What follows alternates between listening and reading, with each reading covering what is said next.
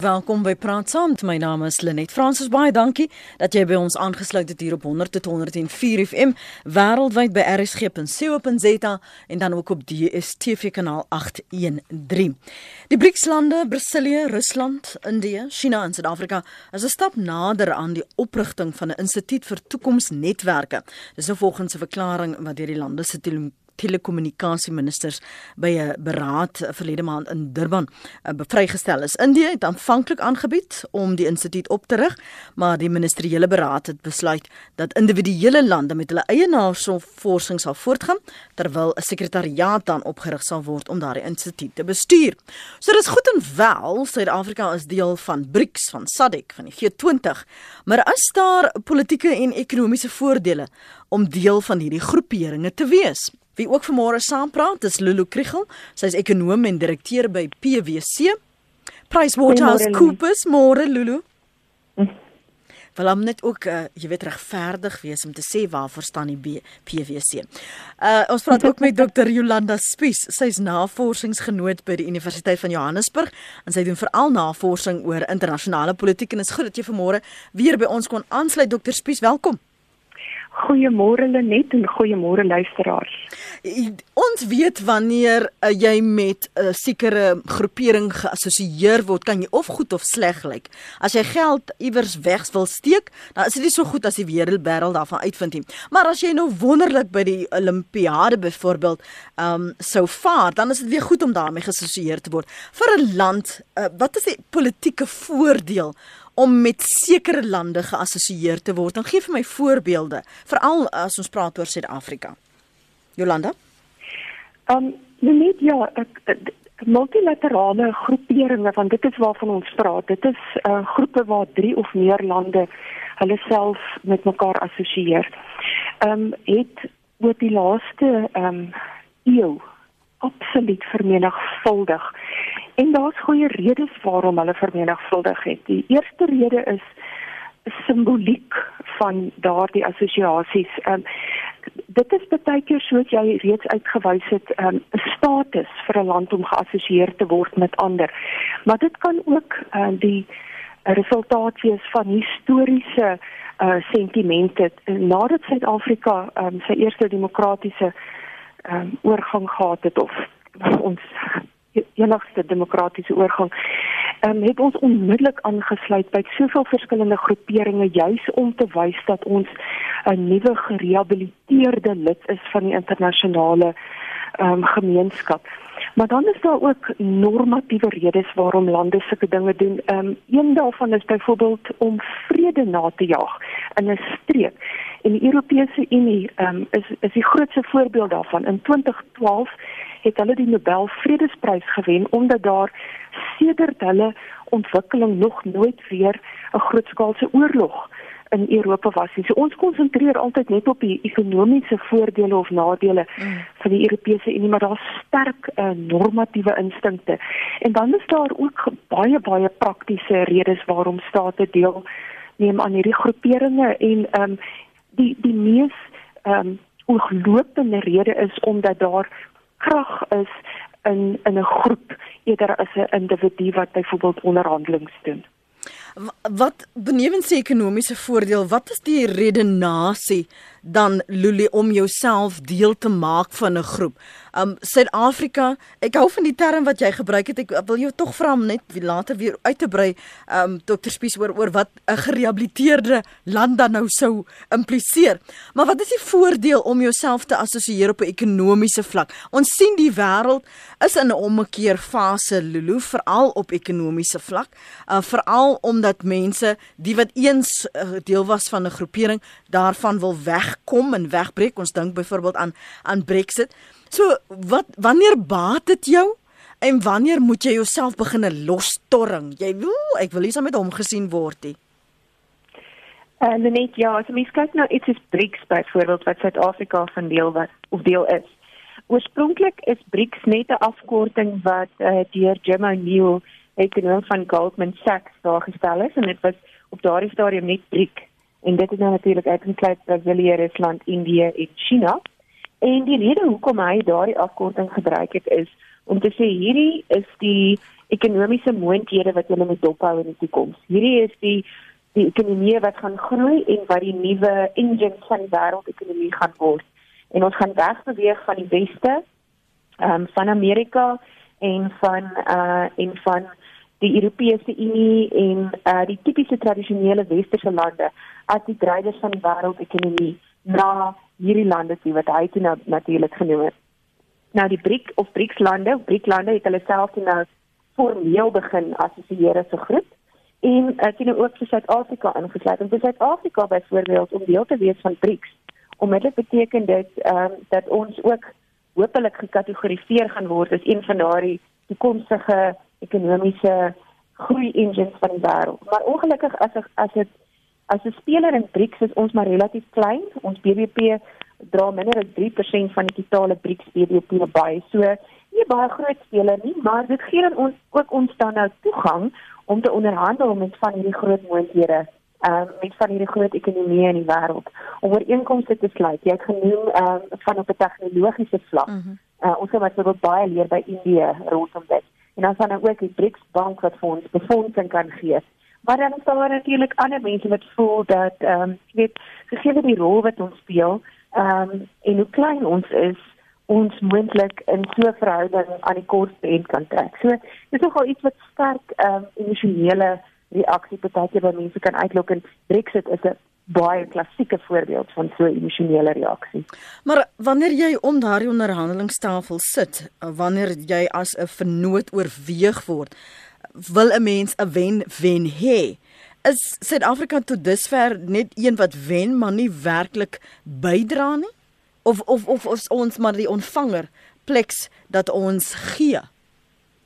Ek dink tog so nie. Ehm um, ek dink as mense byvoorbeeld gaan kyk na die ooreenkoms wat gesluit is rondom die BRICS bank en wat almal bydra en hoe almal bydra tot die BRICS bank.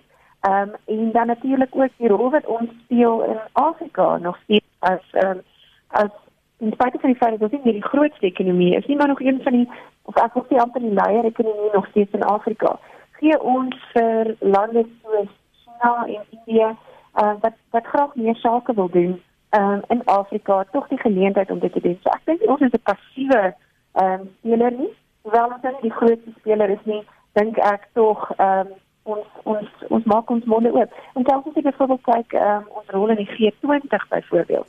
Ehm um, ons is ek dink ons is op hierdie stadium trend 37 of 38 so groot ekonomie um, in die wêreld. So mens kan nou seker sê maar wat maak ons dan by die G20? Mm. Weereens is dit 'n geleentheid vir ons om om um, om op ander maniere um, in kontak te kom met van die groter lande en handelsooreenkomste te te te sluit. Maar weer eens 'n tyd is nou waar ons sien dat die Verenigde State en China um, in 'n moeilike posisie is. Dit kan dit ons byvoorbeeld in 'n moeilike posisie plaas. Wie se kant kies ons nou? Is ons nou China of is ons die VS? Dan sien ons spanninge begin uh, ontstaan, kan dit moeilik wees as jy in so 'n groepering is. Dis byvoorbeeld as jy dink aan skool ehm um, jy weet groepies kinders wat uh, wat wat seker kliks vorm of mhm. bendes of of wat ook al kan dit kan dit 'n probleem raak. Ja, veral as daar maar kom ons kan nou by die boelie gedrag kom uh in die persepsie wat die wêreld oor China en Rusland het. Ek wil net terugkeer ja. na Jolanda. So uh, vir Suid-Afrika wat dan hul beeld wil verbeter sodat hulle 'n beter vernoot kan wees, sodat hulle aanloklik kan wees. Wat doen jy as 'n land om jou dan selfs polities of ekonomies aanloklik te maak. Veral as jy sê jy kom uit 'n 'n proses waar jy jouself moet rehabiliteer. En hulle net weet jy ons het natuurlik die groot voordeel gehad ehm um, dat ons oorgang plaasgevind het ehm um, onder die leierskap van um, Nelson Mandela, 'n ikoniese figuur ehm um, op die wêreld verhoog.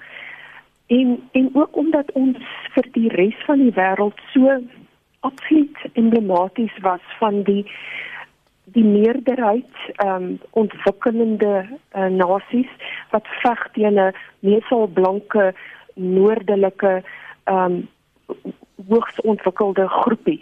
Jy weet die the west against the rest. Dit was baie asof ons 'n mikrokosmos was van daardie geveg. So die hele wêreld kon hulle self sien in Suid-Afrika en die feit dat ons oorgang ehm um, geheel en al ehm um, um vreedsaam geskied het het die het die wêreld se uh, verbeelding aangegryp. So dit was ons sagte mag op daardie stadium gewees. Natuurlik kort daarna moes ons aan die wêreld begin bewys presies wat ons doen om om ons plekkie te verdien. Jy kan net so lank ry op jou mm. op jou oorgang. Ehm um, en toe het Suid-Afrika inderdaad ehm um, met baie baie foute ehm um, tussenin wat ons gemaak het regtig die noue opgerol spesifiek in Afrika en begin 'n rol speel in in in in in vredesprosesse in Afrika en ekonomiese ontwikkeling soveel sodat ons 'n netto um, um, befondser geword het van ontwikkeling. Uh, ons is deur die OECD genooi as 'n ontwikkelingsvernoot juis omdat ons so 'n indrukwekkende ehm um, ontwikkelingshulpprogram het in Afrika. En dit is juis ons rol in Afrika wat ons hierdie bedingings mag gee om 'n lid te word van groeperinge soos BRICS. Ons sou nooit 'n lid geword het van BRICS as ons nie deel was van Afrika nie.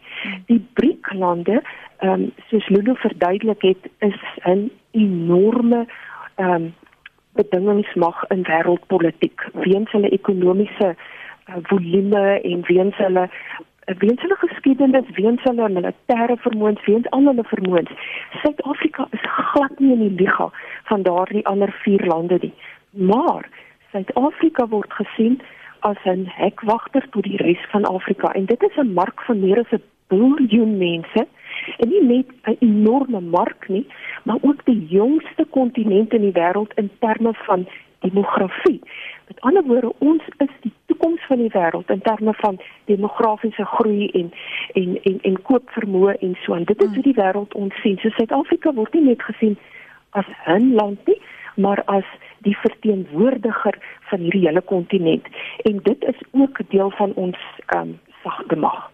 Hoekom sou 'n land soos Nigerië byvoorbeeld nie net so maklik deel van BRICS kon wees nie, Lulu? Ek meen as jy kyk byvoorbeeld ook na Egipte en en die invloed, waarom sou Suid-Afrika die beter reg maar beter ook in aanhalingstekens plaas Lulu, die beter keuse wees as vernoot in in in BRICS? Net van die faktore wat 'n rol gespeel het uh, in daardie besluit byvoorbeeld is ehm um, die diversiteit van die Suid-Afrikaanse ekonomie. As mens byvoorbeeld kyk na die res van die drie lande, Um as ons dink aan sake doen, is Suid-Afrika 'n goeie opsie omdat ons ekonomie so divers is. As jy kyk na 'n land soos Nigerië, waar die ekonomie baie meer gediversifiseerd begin raak het, is hulle nog nie daar nie en is hulle nog baie afhanklik van olie. Ander faktore wat in Suid-Afrika natuurlik 'n rol speel, is byvoorbeeld toegang tot finansiering, um in ons finansiële markte en die ontwikkeling van ons finansiële markte dit maak dit natuurlik baie makliker om sake te doen met Suid-Afrika en ons finansiële markte word gesien as een van die sterkste en beste in die wêreld en daar ehm um, speel ons natuurlik 'n bietjie bokant ons vuurmaakplek maar dis 'n goeie ding en dit beteken dat lande wat wil handel dryf ehm um, hier dit dit as ehm um, as 'n plek kan gebruik om in die res van Afrika handel te dryf en natuurlik met ons infrastruktuur hmm. relatief tot ander Afrika lande doen ons ook nog steeds goed daar. En um, en ook uh, soos reeds gesê is die um, die die rol wat of die die beeld wat daar was uh, van Suid-Afrika. Ons is ongelukkig baie vinnig uh, besig om daardie uh, beeld van die res van die wêreld van ons het en daardie bietjie voordeel wat ons gehad het um, as gevolg van 1994 en hoe ons dit hanteer het dit het natuurlik ook alles rolle gespeel. Die relatiewe politieke stabiliteit 'n klomp sulke faktore wat wat uiteindelik die besluit kon beïnvloed het om te sê maar ons wil graag vir Suid-Afrika deel hê en nie noodwendig vir Nigerië hmm. of vir Egipte nie. Hmm. So as ons kyk na die vooruitsigte, kom ons praat met wie speel ons saam. Ehm um, Lulu jy het net verwys dat daar wegbeweeg is van die klem op die Europese Unie byvoorbeeld. Ook interessant hoe baie van die deelnemers in in die Verenigde Koninkryk dit as 'n beweegrede gebruik het om te stem vir 'n Brexit, om weg te beweeg. Maar is dit regtig onafhanklikheid of is dit vrees wat daardie soort besluit te voet Jolanda? Ehm um, ek dink dit van beide hoor. Ehm um, ons is geneig natuurlik ons almal mense is geneig om om um, meer te praat oor die negatiewe uh, dinge die jy weet die die die die gal ag die die die um, frustrasie wat bureaukrasie byvoorbeeld vir ons veroorsaak die irritasie met instansies sê maar soos belangrike sake maar ek kan jou verseker dat sonder daardie instansies gaan ons chaos en frustrasie veel erger wees en ek dink ehm um, die Europese Unie is so 'n kompakte ehm um, uh, die Engelse woord is convoluted organisasie dat baie mense begin dit om hulle geduld te verloor met die birokrasie daarvan. En die Britte is histories 'n geweldige onafhanklike klomp mense. Hulle hulle sien hulle self wel hulle is 'n eiland, maar hulle hulle dink ook so. En ehm um, veral met die migrasiekrisis wat Europa beetgepak het, oor die laaste dekade het baie Britte begin dink hulle word net eenvoudig mee gesleer met wetgewing en met um, omstandighede wat wat wat hulle befonds maar wat nie regtig hulle keuse meer is nie. Ek dink sedert die Brexit um, besluit uh, geneem is, die referendum wat baie baie baie nou gewen is deur die mense wat wat wou uit die Europese Unie uit. En al hoe meer Britte begin besef watter voordele hulle eintlik trek uit die Europese Unie uit. En daarom sou ek raai dat as hulle vandag weer 'n referendum moes hou in um, Brittanje dat hulle sou kies om te bly in die Europese Unie. Maar weer eens, dit sou waarskynlik 'n baie baie ehm um, naby ehm um, uitslag gewees mm. het. So daar's voordele, daar is nadele. Ehm um, en en presies dieselfde geld vir Suid-Afrika se se ehm um, lidmaatskap van organisasies so SADC byvoorbeeld. Ehm um, jy kan dit negatief sien en sê dit is vir ons net 'n dreinering op ons fiskus en dan is daar ander mense wat vir jou gaan voorbeelde noem van presies hoeveel voordeel ons daar uittrek. Dit is 'n gee en neem situasie. Mm. Dit dit sien ons met handelsbetrekkinge Lulu dat Suid-Afrika ook weg probeer beweeg van hierdie Europese invloed? En uh, nee, dit vir ons ehm um, histories moeilik wees as mens gaan kyk byvoorbeeld wat van ons uit, grootste uh, uitvoermarkte is. Ehm um, ons is besig om ons verhouding met die res van Afrika te ontwikkel. Ehm um, China en die ander BRICS-lande begin 'n baie groter ehm um, bron word uh, van uh, moontlike uitvoergeleenthede vir Suid-Afrika en handelsgeleenthede. Maar nog steeds ehm um, as as mens na enkele land kyk, is die Verenigde Koninkryk ons grootste handelsvernoot en as 'n blok uh, die Europese Unie. Ehm um, as ons kyk byvoorbeeld waar uh, ons motorvoertuie heen gaan, uh, dit is waar dit heen gaan. So baie van ons uh, vervaardigde produkte word uitgevoer na daardie lande toe. Dit natuurlik nie iets wat oornag verander nie. Ehm um, die markte moet eers ontwikkel in die ander areas en as 'n uh, kontinent probeer ons om meer handel met onsself te dryf, maar ons is nog nie daar nie. Uh bykans uh in die omgewing van slegs 12% van ja, van die totale handel wat op die Afrika kontinent plaasvind, is tussen Afrika lande, die res is nie die res van die wêreld. As ons byvoorbeeld kyk na SADC ook, ehm um, elkeen van hierdie groeperinge het natuurlik ander ehm um, ander regte, pligte. Party van hulle is baie meer formeel as ander. As mense sou kyk na die Europese Unie teenoor BRICS, is twee goed wat jy glad nie met mekaar kan vergelyk nie. Mm -hmm. SADC is ook nou weer natuurlik iets anders. So elkeen van hulle het verskillende spelreëls. En ehm um, ons dit, dit sou nie net oornag gebeur dat ons heeltemal wegbeweeg nie, maar ek dink die belangrike ding is dat ons soos die res van die wêreld besef dat ehm um, die groot ekonomiese groei van die toekoms gaan nie noodwendig gebeur waar dit in die verlede gebeur het en ons moet onsself ehm um, uiteindelik daarmee vereenselwig en seker maak dat ons ook daar die verhoudinge bou wat mm. moontlik is. So uitstekende vraag hier van Neil op ons SMS lyn. Dankie Neil want jy het my herinner daaraan. Ehm um, Neil sê hier en ek wil dit albei aan julle rig. Um, met die onlangse verkiesing van 'n verregse staatshoof in Brasilia, hoe sal Suid-Afrika in BRICS se opset bly of verander? Kom ons kyk eers na die politieke implikasies Jolanda. Ehm um, ja, dit is 'n baie goeie vraag. Ehm um, want dit praat nou um, spesifiek tot Brasilia wat 'n anker 'n lid is van BRICS. Mm -hmm. En hoe ehm um, Brasilia se eie houding teenoor BRICS kan verander en dit kan natuurlik ons impakteer.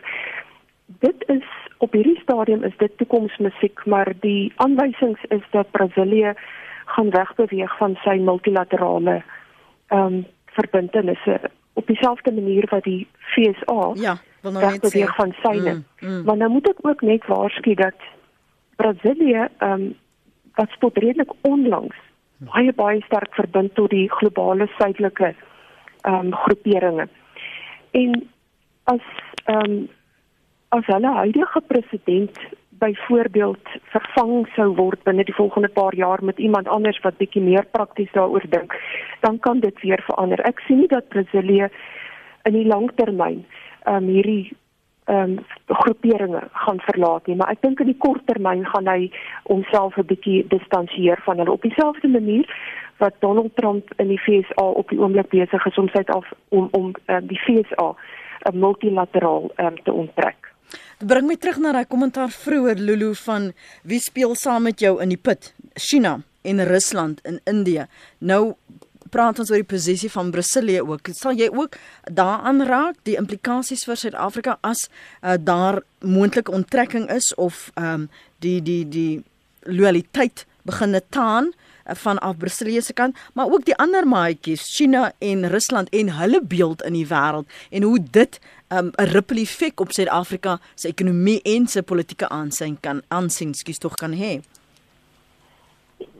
Ja, nee, dit is um, dit is interessant as mense byvoorbeeld kyk na iets as die Europese Unie, uh, waar lande wat lid moet wees aan baie spesifieke standaarde moet voldoen. Ek weet onder andere een van die goed wat nou met Brexit onderhandel moet word is byvoorbeeld arbeidswetgewing en hoe mense hanteer word, menseregte en so voort.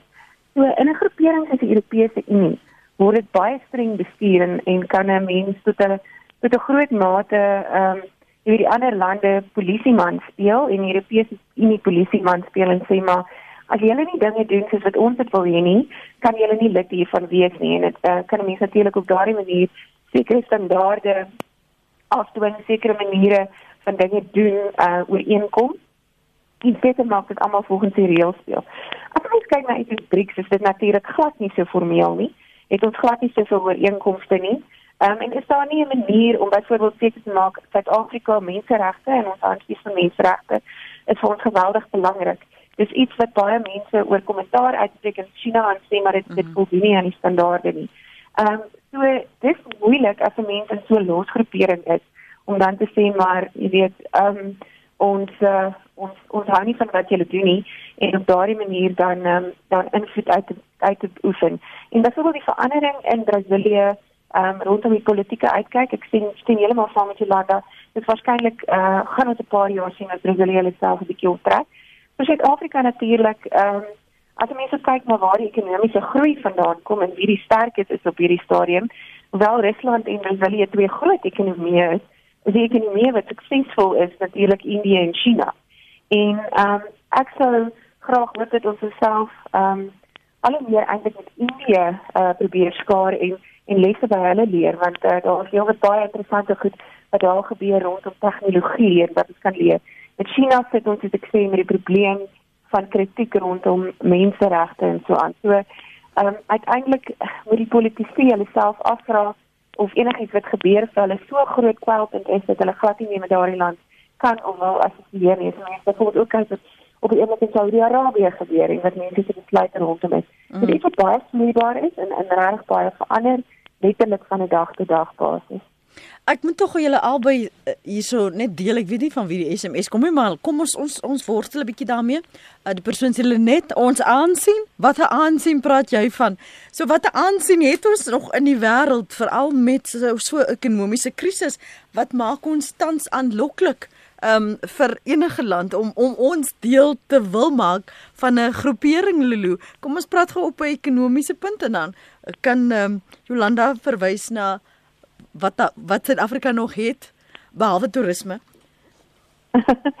Net ja, ehm um, ek dink ons moet in gedagte hou dat alle lande deur goeie en slegte tye gaan. Uh, Brasilië se ekonomie was regtig laaste paar jare in baie moeilike toestande dit is effens besig om om te draai. Ek dink nie dit moet wenig te doen met die nuwe president nie. Ek dink dit is ander faktore, maar hoe dit ook al sê, hulle situasie is besig om te verander. Ehm um, China is besig om ag India is besig om China verby te steek in terme van die groeikoers. Ehm um, Rusland het is ook nie met wenig in 'n goeie situasie nie. So ons moet daarom in ag neem dat swak ekonomiese groei in 'n tydperk nie noodwendig uh beteken dat beleggers nie meer in 'n land gaan belangstel nie. Dit gaan meer oor oor wat die langtermynverwagting is en wat besig is om te gebeur. Ek dink die politieke situasie um en ek seker die land sal sal meer daaroor uitbrei ook spesifiek. Die politieke situasie in Suid-Afrika dien slegter vir ons aansien en is natuurlik ook 'n oorsaak van die ekonomiese probleme as ons ekonomiese mm. probleme. Ehm um, ek dink daardie langtermyn politieke stabiliteit is vir beleggers uiteindelik ehm um, die belangrikste faktor want as dit daar is dan sal die ekonomiese hoor die ekonomiese groei ook te kom. Jolanda? Ehm um, wie jy net ehm um, polities weer eens ehm um, mense is geneig om te fokus op die negatief en ek verstaan hoekom want dit dit maak mense angstig. Maar as jy kyk deur die oë van die wêreld na Suid-Afrika dan het ons inderdaad demokrasie. Jy's vry in hierdie land om te sê wat jy wil van die president of van enige iemand anders. En jy kan nie dieselfde sê vir die meeste van die res van die wêreld nie. Dis iets wat bewonder word. Um die regsgesag wat homself keer en keer bewys as absoluut onafhanklik in Suid-Afrika is iets waarna opgesien word deur die res van die kontinent en en die res van die wêreld. Die geweldige siviele deelname wat ons sien rondom tematiese um, uh, situasies. Ehm um, die feit dat ons 'n uh, 'n nuwe president het wat uh, weliswaar op eiers loop met sy eie party maar maar werk maak wel mm -hmm. van die geveg teen korrupsie hierdie openbare uh, ontbloting van korrupsie in ons land. Onthou ons is by verre nie die enigste land wat sukkel met korrupsie nie. Daar is baie welvarende, hoogs ontwikkelde lande wat korrupsie het, wat bedrog het met verkiesings, ehm um, waar presidente en ander ehm um, uit uitvoerende ehm um, leiers skuldig bevind word aan aan gruwelikhede. Maar Suid-Afrika nog steeds, soos ek voorheen gesê het, word bewonder vir sy leierskap in Afrika en baie daarvan het te doen met sekuriteit en met met vredesprosesse. En dit is dinge wat baie keer jare neem en baie agter die skerms plaasvind. Uh ons die rol wat ons speel in die Afrika Unie byvoorbeeld. Dit is nie dinge wat ons sommer net voor krediet kry nie en dit is nie iets wat opgehou het nie. Ehm um, dit is nog steeds besig om om in Afrika leierskap te gee. En een van die een van die manifesterings daarvan is dat ons ehm um, eenparig verkies is deur Afrika as ehm um, kandidaat om in 2019 en 2020 weer 'n setel in te neem in die in die veiligheidsraad. Hmm. So dit sê vir jou dat ons nog steeds respek afdwing ten spyte van ons massiewe probleme wat ons elke dag in hierdie land in die oos staar. As jy jouself nou groepeer, Lulu, watter voordeel hou dit vir jou in? Ons sien nou die pogings van Cyril Ramaphosa om beleggers um te lok na Suid-Afrika. Maar as jy nou sê ek is op papier deel van dit, 'n deel van dat, 'n deel van dit, maak dit um die hande makliker oop om vir jou te gee omdat jy met 'n China en met 'n Rusland geassosieer word?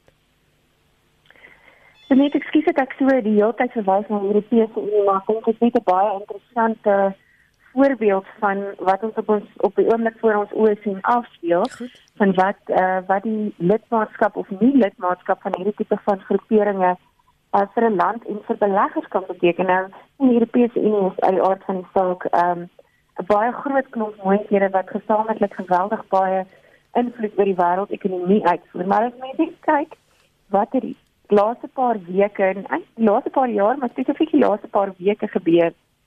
En wat was mark markte se reaksie hierom? Ek kan mense besef dat dat dat dit positief ehm um, sowel as negatief kan wees, ehm um, afhangende van wat die wat die sekuriteit is of wat die situasie is. Die laaste paar weke het ons gesien hoe die pond verswak het en ons mense wat sê as mense gaan kyk hoe die die pond se waarde gewissel het oor die laaste paar maande is dit omtrent nou net so wisselvallig soos die rand en ek het vandag self vroeg vanoggend self is dit geval. Mm -hmm. So dit sien net vir mense hoe beleggers na van hierdie groeperinge kyk um, en sê maar jy weet ons is nou baie onseker oor uh byvoorbeeld die Verenigde Koninkryk se rol in die Europese Unie en daarom ehm um, onttrek ons ons beleggings. Soortgelyk is daar byvoorbeeld 'n land is iemand soos Turkye wat nou al vir 'n paar jaar graag probeer om deel te wees van die Europese Unie of ander lande, ehm um, kan dit vir hulle tot voordeel strek want dan beteken dit ehm um, ja, jy toegang dalk tot markte vir alles wat handelsooreenkomste is wat bestaan, ehm um, daar's vertroue, ehm um, daar is as geleenthede vir vir ekonomiese groei byvoorbeeld as ons handelsooreenkomste het met China en India, dit van die grootste wêreld uh, ekonomieë op hierdie stadium en vinnigste groeiende.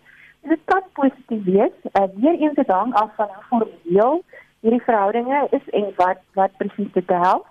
Ehm um, ek sien in geval van die Verenigde Koninkryk sien ons hoe onsekerheid dit op hierdie stadium in wêreldmarkte veroorsaak dat daar nou een van hierdie lede van die Europese Unie is wat sê maar ek wil nie meer deel wees daarvan nie. Mm.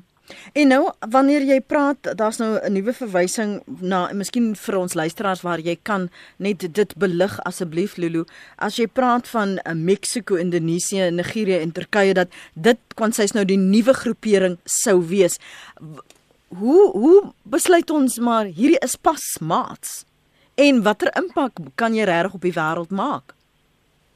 Ja, mens is en ek sê dis nou die nuwe groepering en dan natuurlik ehm um, interessante ene tydens die finansiële krisis en die ehm um, en hier in die hierdie laat 2000s ehm um, het ons gepraat van die pieks ook Portugal Italië, Griekeland en Spanje. Mm. En hulle was baie geafronteer. Hulle wou nie jog en die pieks nie. Of hulle dan gevra asseblief moet ons dan nie pieks noem nie. Noem dit dan iets anders, sien dan gips of so iets. Yeah. Maar moet net nie pieks. maar ja, dis jy sê ehm um, mens of mint is nou die nuwe die nuwe fokus. Wat gewoonlik gebeur is um analiste in die geval van Grieks en en met munt het dit gebeur. Um analiste wat uh, en ekonome wat na hierdie markte kyk, gaan kyk uh na ekonomieë wat soortgelyke um soortgelyke omstandighede um ondergaan en op soortgelyke ontwikkelingsvlakke is. En die einste um Jim O'Neill wat ook die destyds Brick ehm um, meer vorendag gekom het, het ook met Mint vorendag gekom en gesê maar ehm um, hierdie is die volgende na Brick is hierdie nou die volgende klomp waarna ons moet kyk. Nou natuurlik het van hulle gemengde ehm um, gemengde resultate gehad het en dat is byvoorbeeld kyk na Mint Turkye op hierdie stadium presies um, in baie moeilike omstandighede. Ja. Ja, ja Nigerië was self ook in moeilike omstandighede. So dis nie noodwendig altyd te sê as jy nou in daardie groepering is dat alles nou vir almal gaan reggaan omdat jy skielik ehm um, as deel van dit gesien word.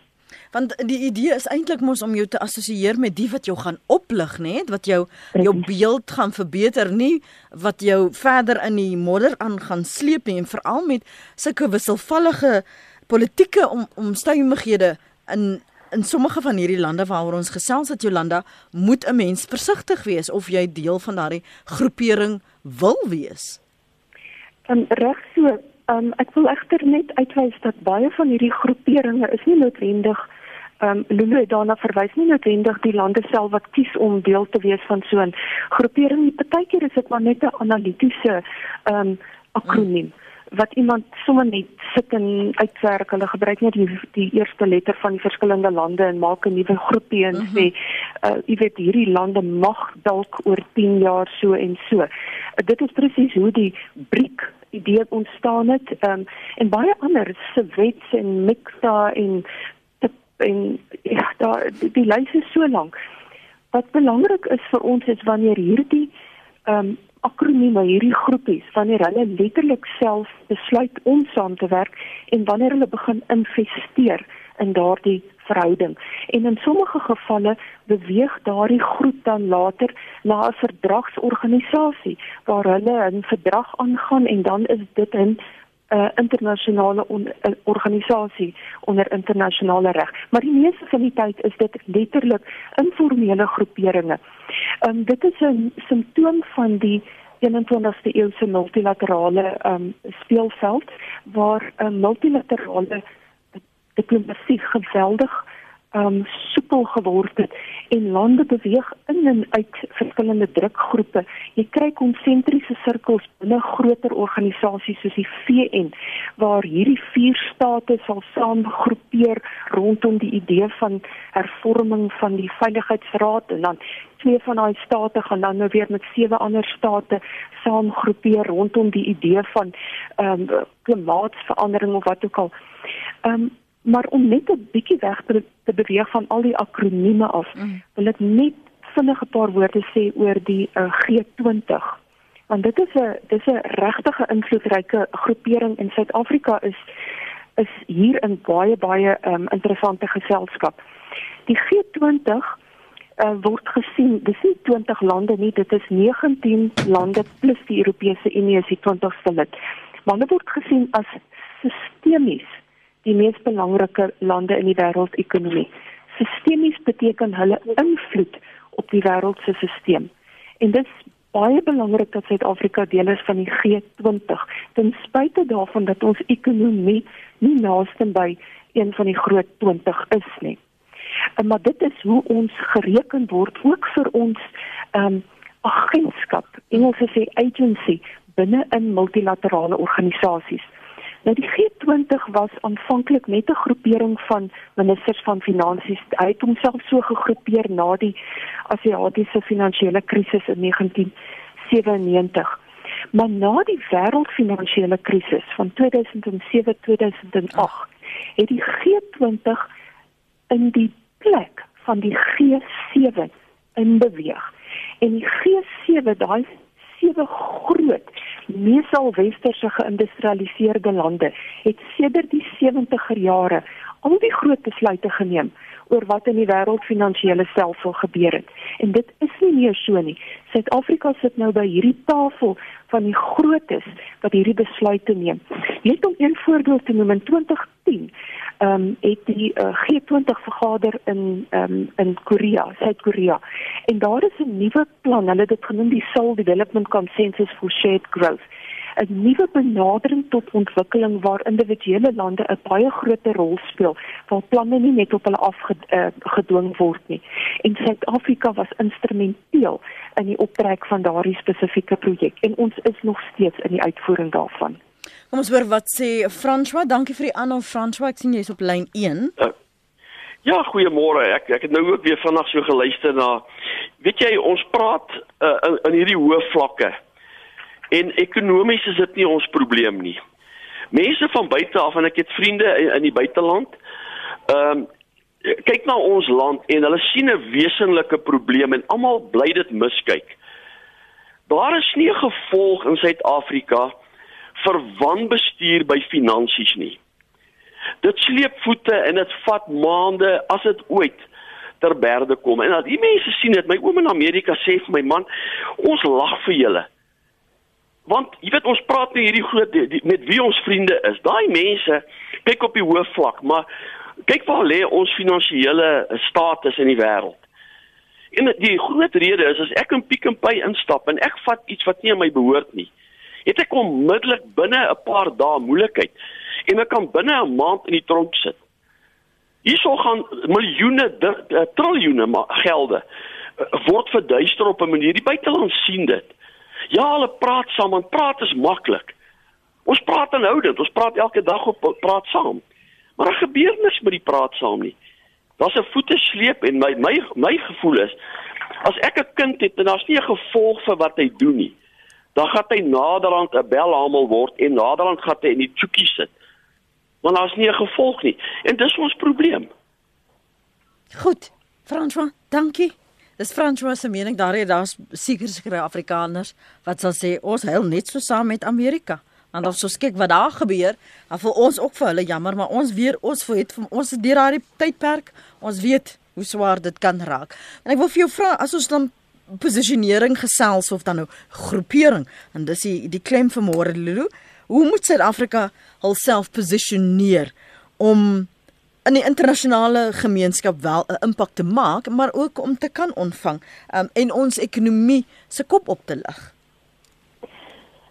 Dit dit dit wat uh, die president die afgelope uh, jaar so ver gedoen het speel natuurlik 'n baie belangrike rol.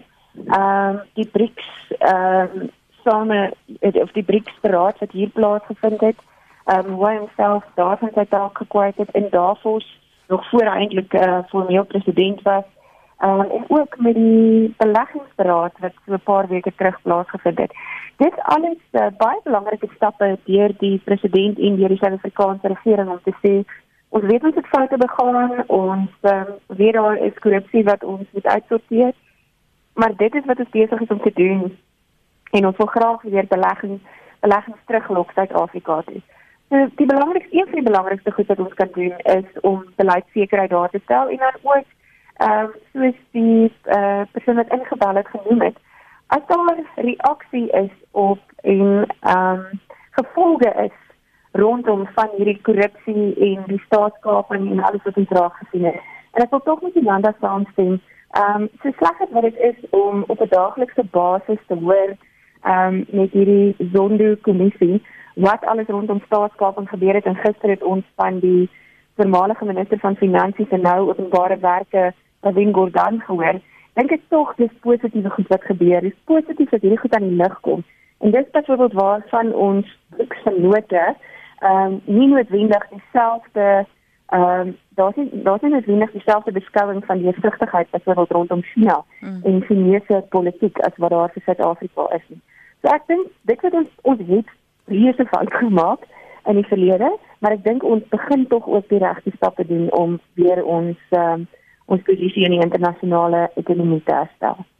Van jou kant, hierso vir ons groet op 'n politieke vlak en posisionering. Ons het 'n verkiesing wat om die draai is. Hoe kan dit die land se beeld en ekonomie bevoordeel? Ek dink ehm um, as ons ons ehm um, verkiesing ehm um, bedryf soos ons vorige verkiesings bedryf het, met ander woorde ehm um, grootskaals uh, vry en regverdig, um, dan dan is dit alreeds iets wat ons doen wat baie ander lande nie reg kry nie. Ehm um, dit is so ek stem saam met François dat ons sukkel sedert 1994 met aanspreeklikheid in hierdie land. En ehm um, soos 'n paar uh, hoëgeplaastes en baie ander laergeplaastes nou al gesê ons ons het nodig om 'n paar van ons uh voormalige leiers te sien met oranje oorpakkies om te sien dat hulle boet vir hulle dade. Ehm uh, maar die feit dat ons 'n sondekommissie het wat besig is om meer en meer van hierdie ehm um, vergrypes ehm um, te ontbloot, wys juis vir die wêreld dat ons het wat dit vat om 'n florerende ehm um, demokrasie te wees. Hmm. Baie dankie vir vanoggend se saampraat Dr. Jolanda Spies en Lulu Krugel. Dankie vir julle tyd. Lekker dag verder.